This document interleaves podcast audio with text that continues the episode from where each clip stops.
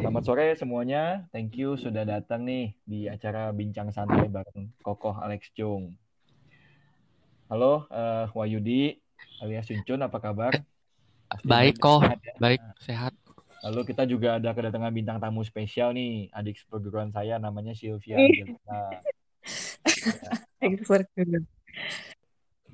Baik-baik, Sejong. Halo, Cuncun. Oke, baik-baik. Apa kabar? Baik-baik juga di sini.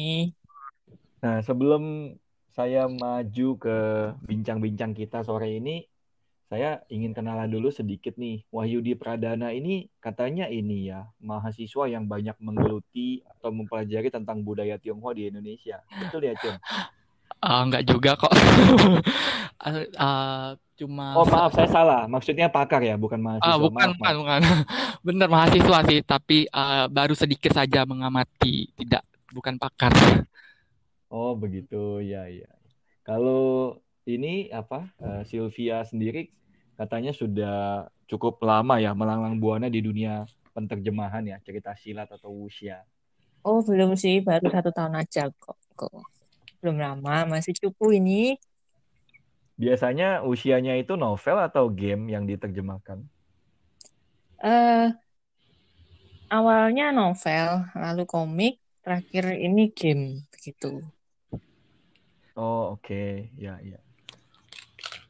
Itu perkenalan singkat dengan dua bintang tamu kita, uh, yeah. dan Sylvia. Thank you. Nah, ini kita semua saat ini masih sama-sama berada di tengah-tengah masa pandemi COVID.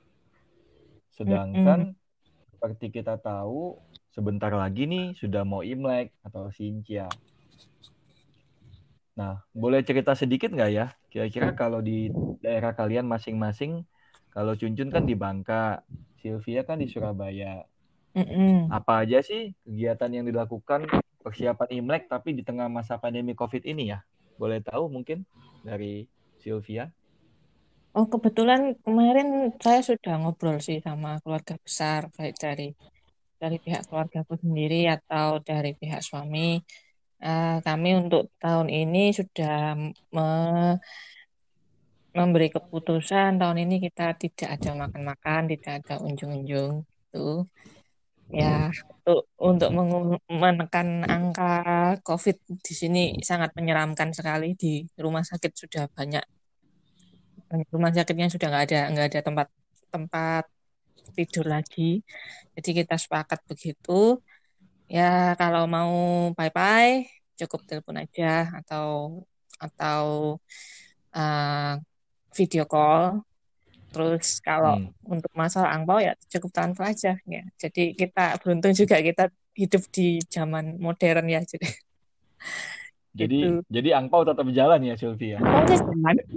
cukup transfer. gimana kalau di Bangka gimana Cun? Bisa cerita ke kita nggak sharing-sharing? Oh gitu. Uh, saya sih kemarin kan uh, pulang pulang itu sekitar bulan Maret. Berarti saya nggak ikut Imlek kan di Bangka sih sebenarnya. Kemarin saya di Jakarta waktu tahun 2020 Imleknya. Uh, Oke. Okay.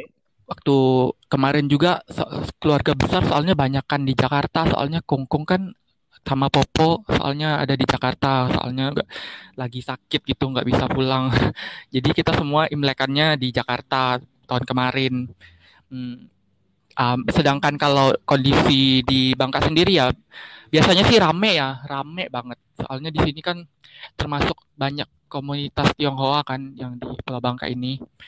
Uh, tapi uh, tahun tahun ini juga, uh, eh tahun kemarin juga waktu mulai pandemi COVID ini, saya saya memantau dari berita-berita gitu juga ya sama kayak daerah lain di Indonesia dilarang untuk melakukan apa kumpul-kumpul secara rame-rame gitu di misalnya di kelenteng gitu nggak di, nggak diperbolehkan untuk maksudnya nggak boleh rame-rame gitu maksudnya uh, dibatasin gitu maksudnya kunjungannya begitu sih yang saya lihat uh, pengamat itu kan hmm. yang pengamatannya Cuncun waktu awal-awal pandemi ya. Gimana kalau sekarang Cun? Kan sekarang pandemi makin merajalela nih ya. Uh -uh. Apakah ada lebih sepi atau gimana? sama sama kok uh, lebih sepi juga uh, uh, di depan misalnya depan tempat ibadah misalnya kelenteng itu di di dihimbau ada penghimbauan gitu maksudnya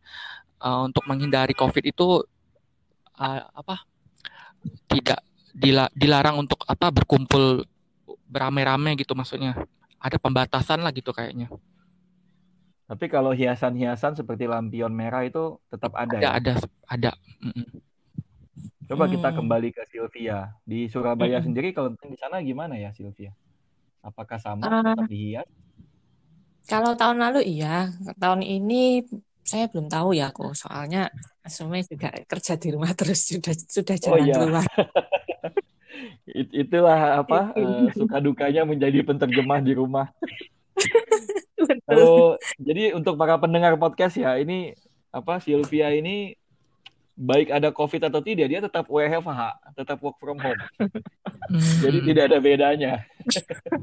Jadi nggak tahu di luar bagaimana. Itu aja kemarin uh, semua ngobrol-ngobrol sama teman saya di di Surabaya Timur. Eh, aku juga baru tahu ternyata spot favorit semuanya sudah lama tutup.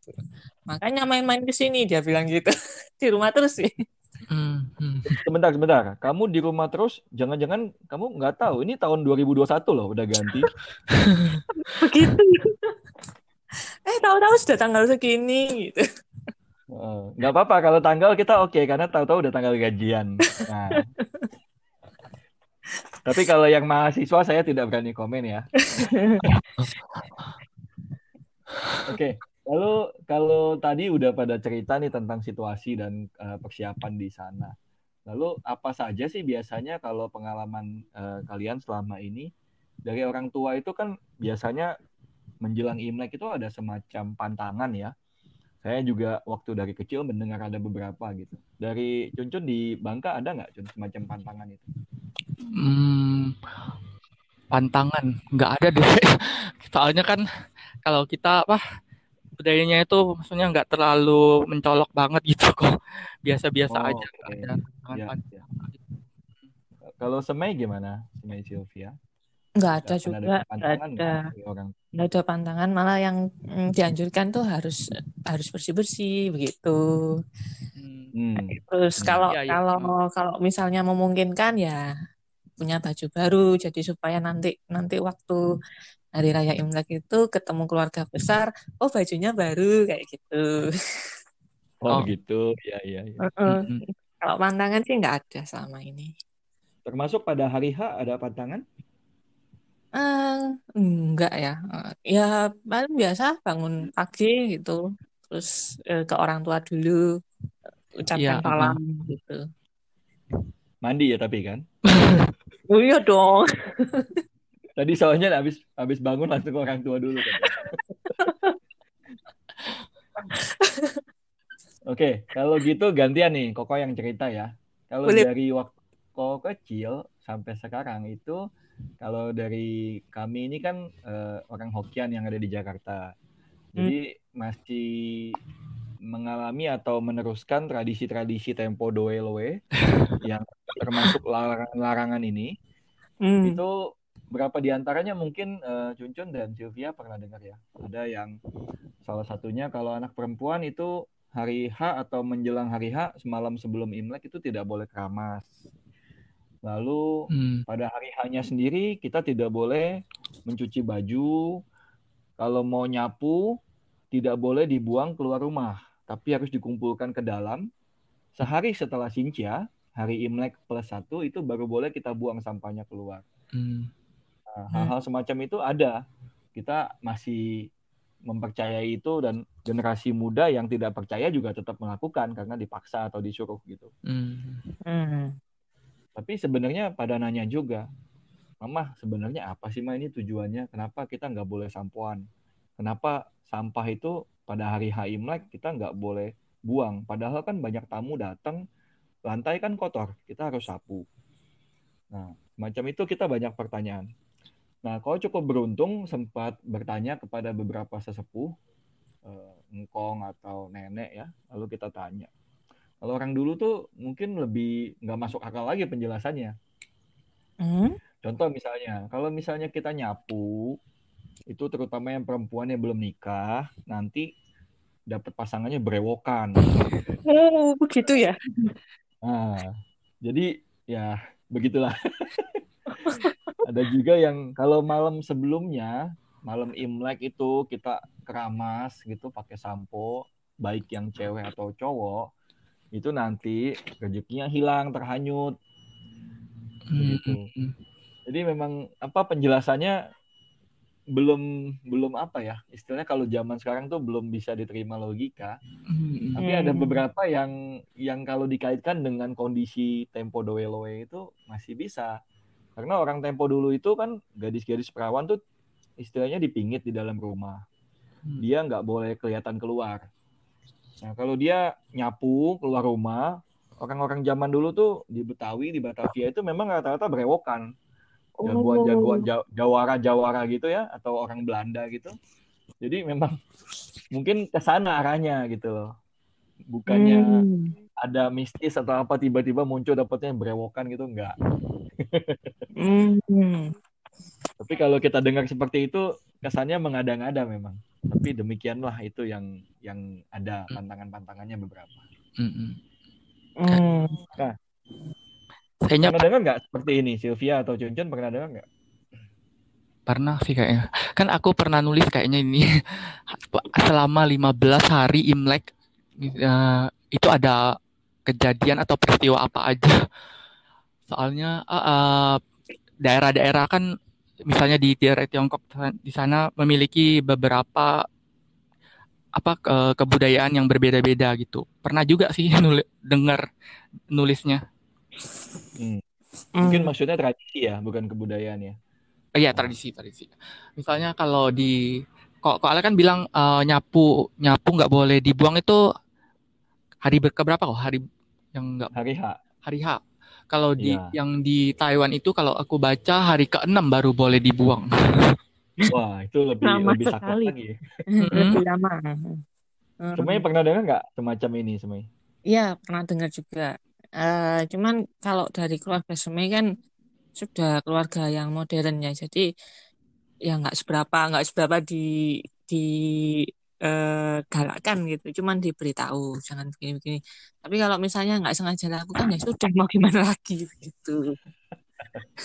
ya ya ya. Ada juga yang itu sampai sekarang masih berlaku di kalangan para toko-toko uh, komputer di Mangga Dua ya, para penjual uh -uh. di sana kalau hari H itu ada dua pilihan. Mungkin mm -hmm. Cuncun pernah dengar ini.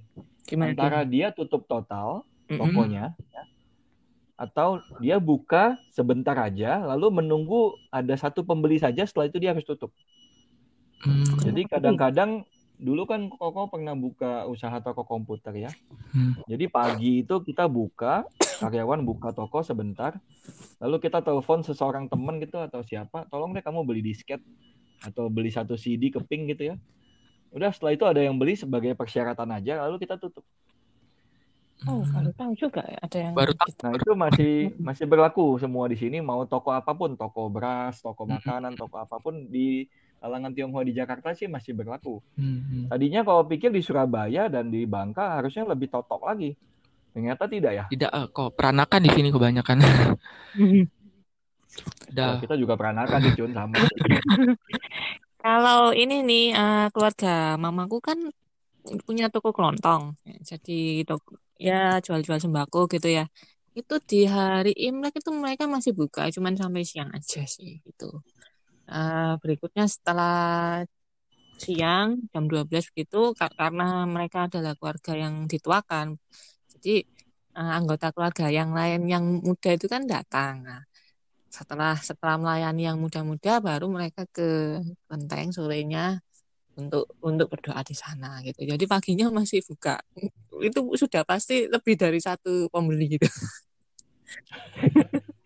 Saya ya, tanya ya, ini kok alasannya. Kenapa kok masih buka? Ya orang-orang yang lain di sekitar kita masih beli. ya, masa ya. kita nggak melayani gitu. Jadi masih memang masih buka sih gitu ya mungkin mungkin saya juga kurang tahu ya. Mungkin hmm, karena karena kebutuhan ya kan mereka jual jual sembako gitu. Jadi ya tetap memang meskipun hari libur dan kebanyakan kan hmm, mereka tinggalnya di kawasan non Tionghoa. Jadi jadi masih dilayani gitu bu. Oh iya, itu kalau kita tinjau dari alasan ekonomi bisnis ya. Tapi kalau kalau pribadi sih jujur penasaran dari mana sih tradisi ini, terus kenapa mesti begitu? Nah, dulu kan saya juga. ngerti. Betul betul.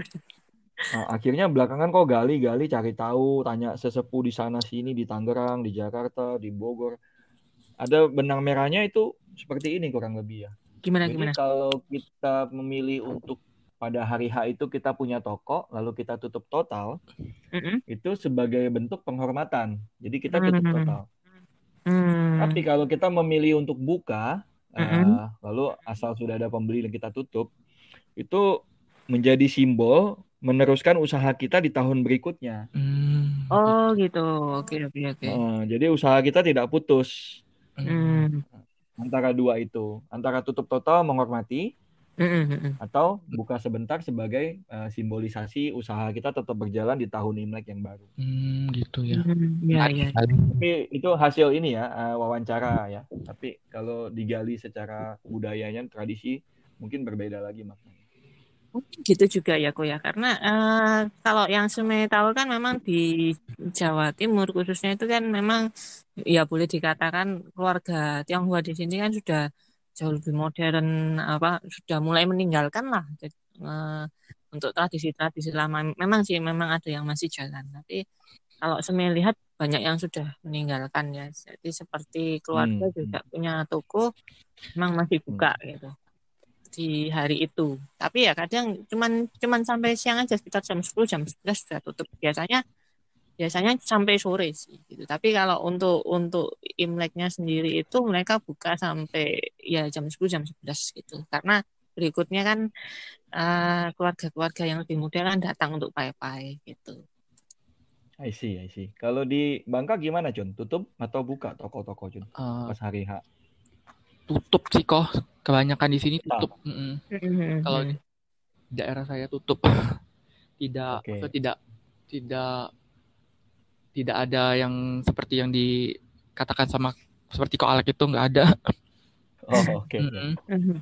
Makanya waktu itu sempat terpikir ya, eh, sepertinya banyak yang udah nggak tahu, Mhm. yang sepuh udah nggak menjalankan. Tapi tradisi semacam ini ada dan tercatat di beberapa koran tahun 1920-an ya, Hmm. seperti Shinpo, Kengpo, Star Weekly. Itu ada tercatat di sana. Tadinya kok sempat terpikir ada ide ingin menulis buku isinya kumpulan tradisi-tradisi semacam ini. Gitu. Hmm. Nah, dia hilang total, kita tuliskan. Hmm, hmm, Gitu. hmm. Jadi penasaran nih. Iya. Tapi itu for the next idea. Oke. Nah ini karena waktunya udah gak lama lagi, eh, saya ada pertanyaan nih sedikit satu lagi ya.